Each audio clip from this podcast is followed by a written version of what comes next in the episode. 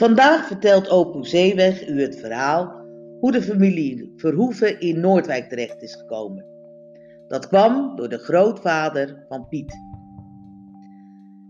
De familie Verhoeven stamt af van een huzaar die werd geboren in juni 1790 te Hilvarenbeek, als zoon van Jan Verhoeven en Maria Heersels. Hij deserteerde in het jaar 1810 uit het regiment Huzaren, de garde van de koning. Hij was toen 20 jaar jong, lang 5 voet, 4,5 duim, hebbende zwart haar en wenkbrauwen, blauwe ogen, een kleine neus en mond. Dat staat namelijk in de krant. Waarschijnlijk was hij in Noordwijk gelegerd als onderdeel van de kustbewaking of douane. Nederland was ingelijfd bij Frankrijk en keizer Napoleon maakte gebruik van het leger voor de verdediging tegen de Engelsen.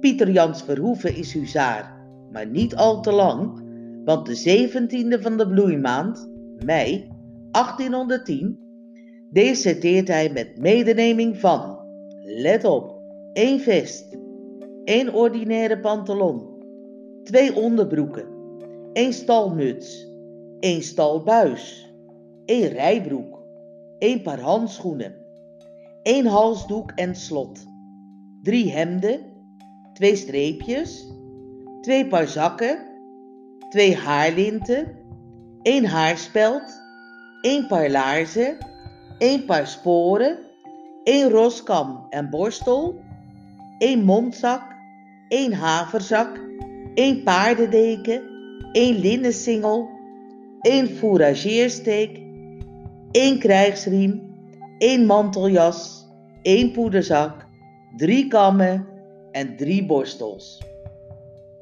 Dat kunnen we lezen op de blog in alle stukken die erin staan.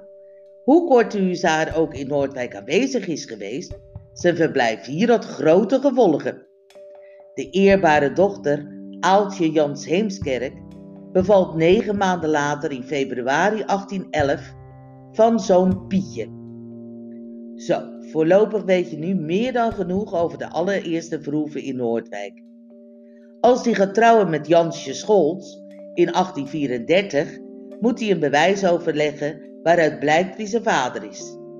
Daarvoor gaat hij naar de notaris die voor een verklaring zorgt en een, voor een verklaring zorgen dat ze getuigen de heer Pieter Jans Verhoeven in leven hebben gekend.